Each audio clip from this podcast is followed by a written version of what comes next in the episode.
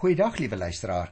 Baie baie welkom by ons wonderlike program Die Bybel vir vandag. Verlede keer het ons opgehou by die belangrike uitspraak van Here Jesus in Johannes hoofstuk 19 by vers 30. Dit is volbring. Nou voordat ek by vers 31 begin vandag, wil ek net so 'n bietjie weer vir jou die prentjie inkleur want ek is so bang ons gaan by hierdie baie baie belangrike gebeurtenis te vinnig verby. Ek wil graag hê liewe luisteraar dat jy nie net na die woorde sal luister nie, maar dat jy ook die prentjie sal inklee. Want 'n mens verstaan dit soveel beter as jy die prentjie duidelik sien. Kom ek doen dit gou. En dan gaan jy die res van die pennestrepe trek. Want jy onthou nog Die Paasfees is natuurlik die een groot fees wat net in Jerusalem gevier is, o oh, by die tempel, die tempel van Dawid. Hy het dit gemaak. Dit was vir die Jode van die Bybelse tyd was dit die setel van die Here se troon. En daarom was dit ook die droom van elke goeie Jood as ek net by die Paasfees in Jerusalem kan wees.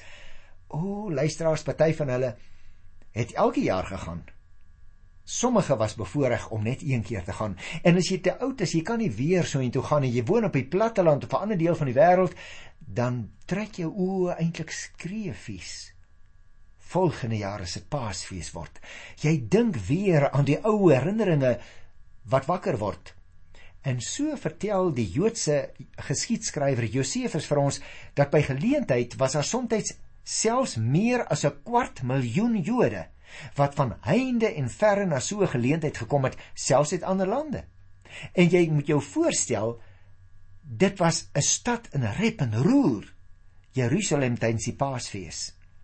Ek het die feeste met jou bespreek toe ons Numeri behandel het in die Ou Testament, né? En jy sal onthou, hierdie Paasfees het gewoonlik 7 dae geduur. En baie belangrik, die Paasfees dui die eerste maand van die Joodse kalender aan. Die hoogtepunte van die Paasfees was die eerste dag en die sewende dag. Want dan is die Paasoffer hier teen sononder op die eerste dag van die fees geslag. En op die voorgeskrewe manier is dit ook voorberei en geëet. Tussen hakies, in later tye is daar op elkeen van die 7 dae 'n offer geslag. Volgens Eksodus 12 sal jy onthou, was die Paasfees oorspronklik 'n gesinsaangeleentheid en dit is in elke Joodse huis gevier en dit was ook 'n herinnering aan die uitredding uit Egipte land. Uit Deuteronomium 16 is byvoorbeeld ook afgelei dat juis by die heiligdom daar moes die fees gevier word. En die maaltyd het dan met son onder begin en dit het geduur tot middernag. En by hierdie geleentheid van die maaltyd moes die pa van elke gesin die betekenis van die fees aan sy gesin verduidelik omdat daar so baie feesgangers gekom het elke jaar, is dit van die inwoners van Jerusalem verwag om herberg te verskaf aan die mense wat van heinde en verre gekom het. En by hierdie betrokke feesgeleentheid het Pilatus dan besluit om 'n paar Jode te laat kruisig. Die kruisiging het amper dieselfde uitwerking as 'n wapenskou in ons tyd gehad. Dit laat vriend en vyand weet wie die baas van die plek is. In hierdie geval moes die Jode opnuut onthou dat dit die Romeine was wat hulle Joodse land regeer. Buitendien, buitendien was kruisiging 'n absolute afskrikmiddel vir enige een wat moontlik enige vorm van onrus teen die staat beoog het. So 'n kruiseling, liewe luisteraar, kon baie maklik tot 36 uur lank geleef het. Soms selfs 9 dae is vir ons aangeteken in sekere geskiedenisboeke. Die pyn moes natuurlik intens gewees het want 'n mens se hande en jou voete verloor eintlik nie vreeslik baie bloed nie. Jy kry hoofpyn. Jy ly aan koors. Die vliee kom sit op jou en jy kan er niks aan doen nie. Die son bak jou mors dood. Die son laat jou dors word. Dit is absolute lyding. En soms so lei mens in die 31ste vers ook af is die bene soms met 'n hamer gebreek. Soms sommer met 'n stuk hout. Eintlik was dit 'n genade dood hoor. In die Here Jesus se geval, so vertel hierdie hoofstuk die 19de van Johannes by die 32ste vers het hulle ook nog 'n spies gesteek in sy sy. Nou moet jy natuurlik onthou, Jesus is onskuldig van godslastering aangekla. In elk geval was die straf op godslastering steniging. Levitikus 24 vers 16 sê dit. En nie kruisiging nie. Kruisiging is deur die Romeine oorgeneem waarskynlik van die Perse. En een van die ergste strawwe denkbaar van die ou wêreld. Slegs die lot van die grootste misdadigers. Hulle het aan 'n kruis gesterf. Nie ander mense nie. Nou in Israel was die kruisdood natuurlik 'n vloek. Dit is altyd in verband gebring met 'n vloek gaan kyk gerus maar Deuteronomium 21 vers 23 en en selfs ook by Galasiërs 3 vers 13. Een wat opgehang is, is deur God vervloek. Dit het vir hulle vasgestaan. Afgesien van die ontsettende lyding, was die kruisdood dus ook nog die grootste vernedering denkbaar vir 'n Jood. En sonder 'n draad klere is jy gewoonlik van alle privaatheid gestroop en die spot vir elke verbyganger. Deur spesifiek te vra dat die Here Jesus gekruisig moes word, het die Jode hulle haat en hulle afkeur teenoor hom laat blyk. Hulle verwerping van hom as die een wat gekom het. En daarmee wou hulle eintlik dus by hierdie feesgeleentheid voor die oë van al hulle volksgenote finaal met hom afreken. Ek wonder of jy en ek regtig die vernedering wat die Here Jesus moes verduur kan voorstel, veral as 'n mens die 10000 mense wat by Golgotha gebygeloop het in gedagte hou. Party het van ver gekom, het moontlik toe vir die eerste keer van hierdie profeet gehoor. Miskien spesiaal geloop om na hom aan die kruis te gaan kyk, soos mense vandag ook maar na 'n ongeluk gaan staan en dan kyk na wat gebeur het. Sommige sou heel waarskynlik dus in sy rigting spoeg want dit was die gebruik teenoor gekruisigde. Anders sou hulle kop net in tevredenheid op en af knik. En dit alles liewe luisteraar gryp my soveel meer in die hart as ek tekste soos die volgende onthou. Byvoorbeeld Johannes 1 vers 29 en 36 Johannes die doper wys na die Here Jesus as die lam van God die volkomme paaslam. Of ek dink aan Johannes 10 vers 18 waar die Here Jesus sê dat hy nie in die dinge ingeforseer is nie maar dat dit alles vrywilliglik deur hom gedoen is. Niemand neem my lewe van my af nie. Ek lê dit uit my eie af dit was dus 'n aktiewe 'n vrywillige 'n doelbewuste sterf aan die kruis van die Here Jesus se kant af of ek dink aan 1 Korinte 5 vers 6 tot 8 waar Paulus vir ons leer Christus is ons paaslam. Wanneer die Heiland sê in Johannes 19 vers 30 dit is volbring, dan bedoel hy iets heel spesiaals. Hy het seker dikwels as kind sy ouers na die timmermanswinkel geroep om na 'n stukkie houtwerk te kom kyk en dan ook gesê: "Kyk hier, pa, het ek goed gewerk, pa? Want want my taak is nou klaar." Maar nou, liewe luisteraar, nou bedoel hy baie veel meer as dit. Nou is my lydensweg deurloop. Die offer is gebring, die prys is betaal. Dit is alles volbring. Jy sien, liewe luisteraar, sy liefde vir sondaars triomfeer. Immers, sy liefde is al wat hy gehad het wat syne was. Verder moes hy alles in die wêreld leen. Die wieg van 'n die dier, 'n kussing van die veld die skuit van vriende die esel in die bovertrek van onbekendes die kruis het hy geleen van Barabbas die graf van Josef van Arimatea hy het heeltemal niks gehad nie behalwe sy end uit liefde. En dit is daardie liefde liewe luisteraars wat hom na 33 jaar daartoe gebring het om van die vloekhout af te sê dit is volbring. Die taak is afgehandel. 'n plaasvervangende offer. In die plek van in die plek van alle ander offers die volmaakte offer word nou gebring en dit is daardie liefde liewe luisteraar wat gemaak het dat die donker vrydag van paasfees vir jou en vir my verander het in die goeie Vrydag omdat die Here Jesus in ons plek verander het. En daarom wil ek net na 'n paar versies kyk vandag. Ek is by Johannes die 19de hoofstuk by vers 31. Dit was Vrydag en die Jode wou nie hê dat die liggame op die Sabbatdag aan die kruis moes bly nie, want daardie Sabbatdag was 'n groot dag. En daarom het hulle vir Pilatus gevra dat die mense wat gekruisig is se bene gebreek en die liggame weggevat moes word.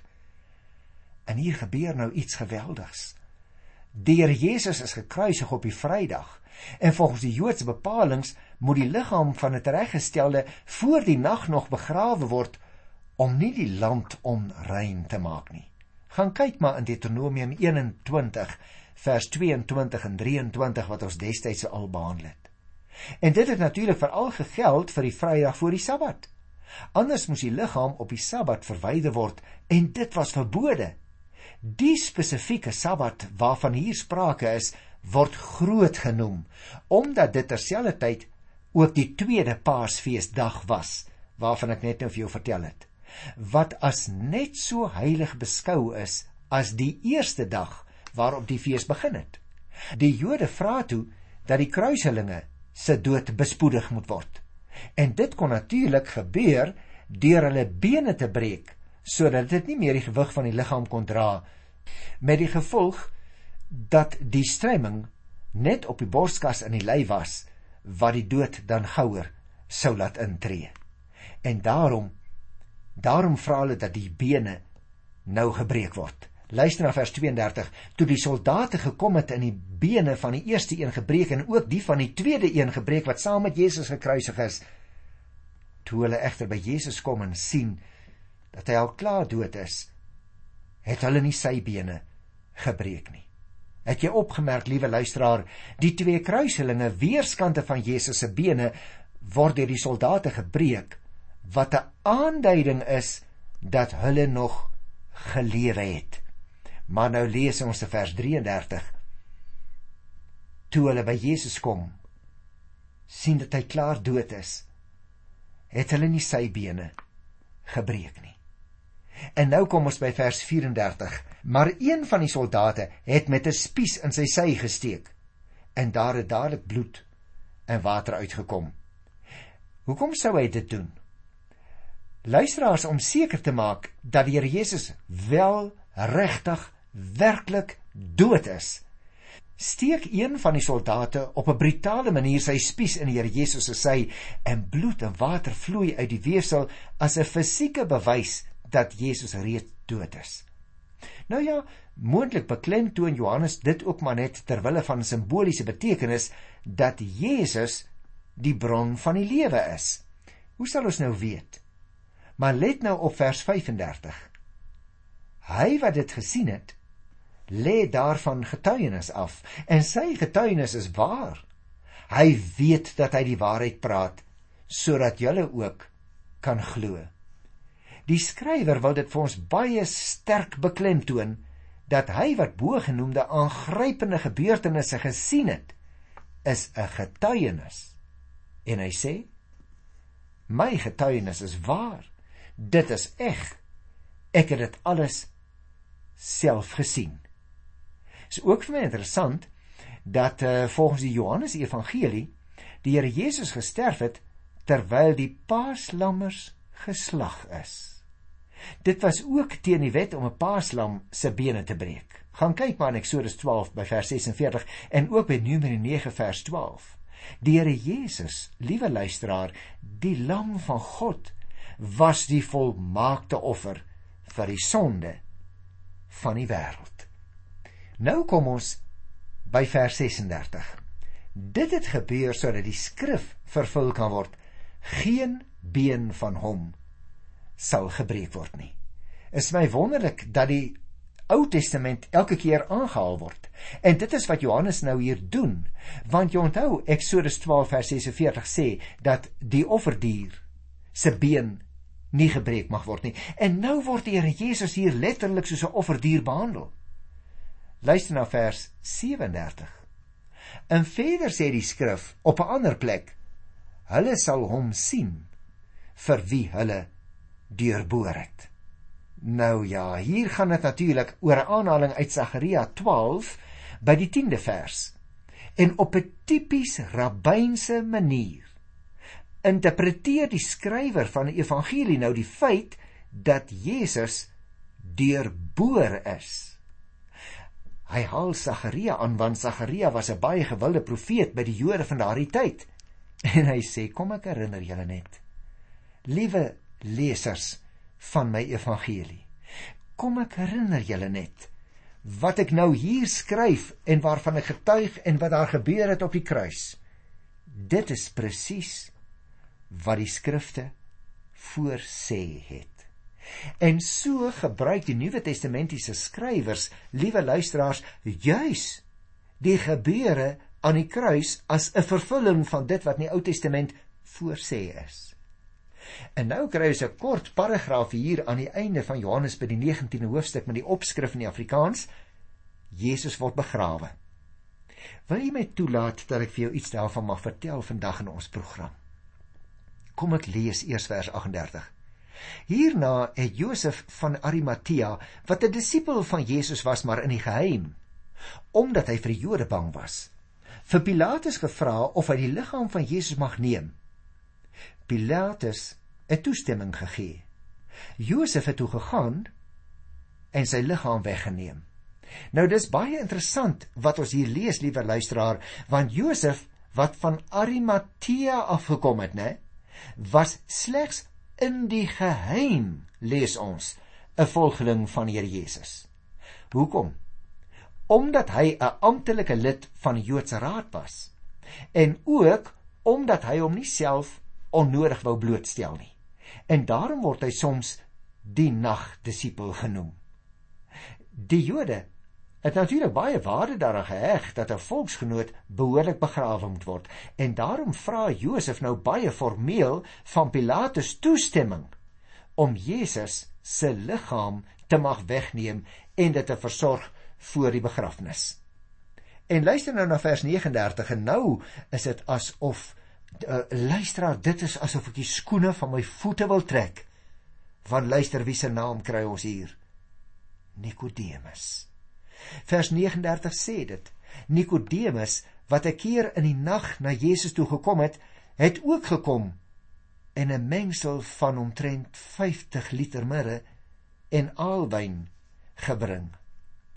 Hoekom sê ek vir jou ek wil asseblief die skoene van my voete trek, liewe luisteraar, want ons lees van Nikodemus net 3 keer in die evangelies.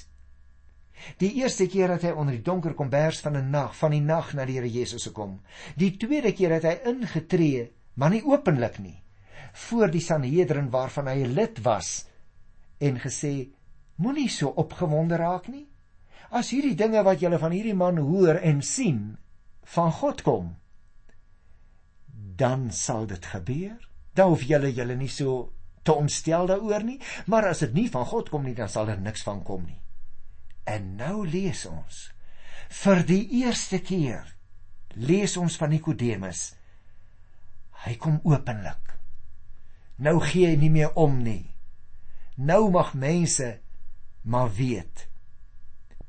Ons het dus hier ook nog hierdie tweede geheime volgeling van Here Jesus wat ook lid was van die Joodse Raad. Nikodemus. Gaan lees weer in Hosea 3 van vers 1 af oor hom. En hy kom doen nou sy deel nou dat die disippels weggevlug het. Hy bring ongeveer 50 liter speserye wat bestaan uit valriek en mirre en alwyn om in te werk tussen die doeke wat op die liggaam gebind gaan word. Sulke reuse hoeveelhede is natuurlik gewoonlik net vir koninklike begrafnisse gebruik en dit het dan gedien om die aangename reuk te versprei. Maar Hier word dit nou vir die Here Jesus die verstorging van sy liggaam in die graf gebring. Ek wil weer eens onderstreep, liewe luisteraar, veral vier mense is ingrypend verander terwyl die Here Jesus besig was om te sterf. Mag ek mag ek hulle vir jou noem? Die misdadiger aan die kruis langs hom. Onthou jy? Hy het die Here Jesus gevra om na hom te dink as hy in sy koninkryk kom. Lukas 23 van vers 40 af. Die tweede. Die was 'n Romeinse offisier wat uitgeroep het dat Jesus waarlik die seun van God is. Ons kry dit in Markus 15 vers 39. En nou het ons hier gelees dat Josef van Arimatea, hy was die derde persoon, en Nikodemus wat ook sy naam hier vermeld kry in die evangelie, albei lede van die Joodse raad. Hulle het Jesus in die geheim aangehang. En nou het al vier hierdie mense openlik gewys dat hulle vir Jesus omgegee het. Hierdie mense is selfs tot 'n groter mate deur sy dood as deur sy lewe beïnvloed lyk dit vir my. Hulle het besef wie hy was en daardeur tot geloof, tot getuienis en tot optrede aangespoor geraak. 'n Werklike besef van die betekenis van Jesus se kruisdood en 'n geloofsaanvaarding daarvan plaas 'n mens, elke mens op 'n nuwe baan.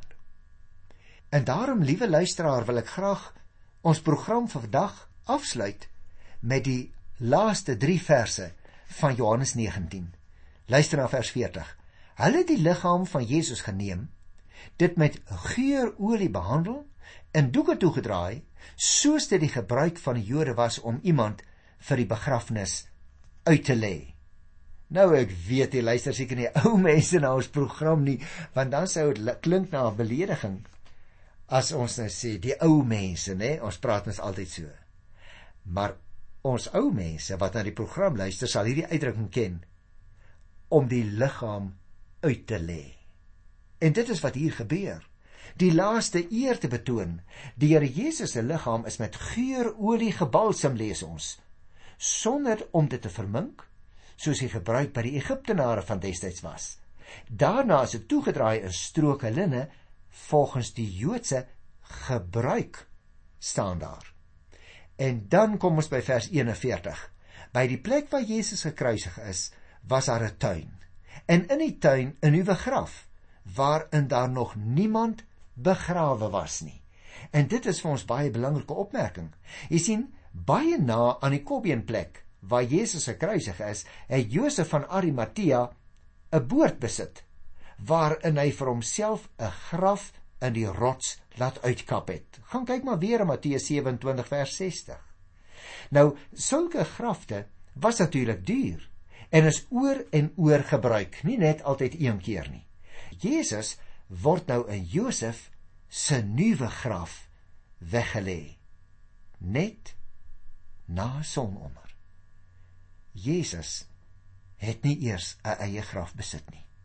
En daarom sluit ek af met vers 42.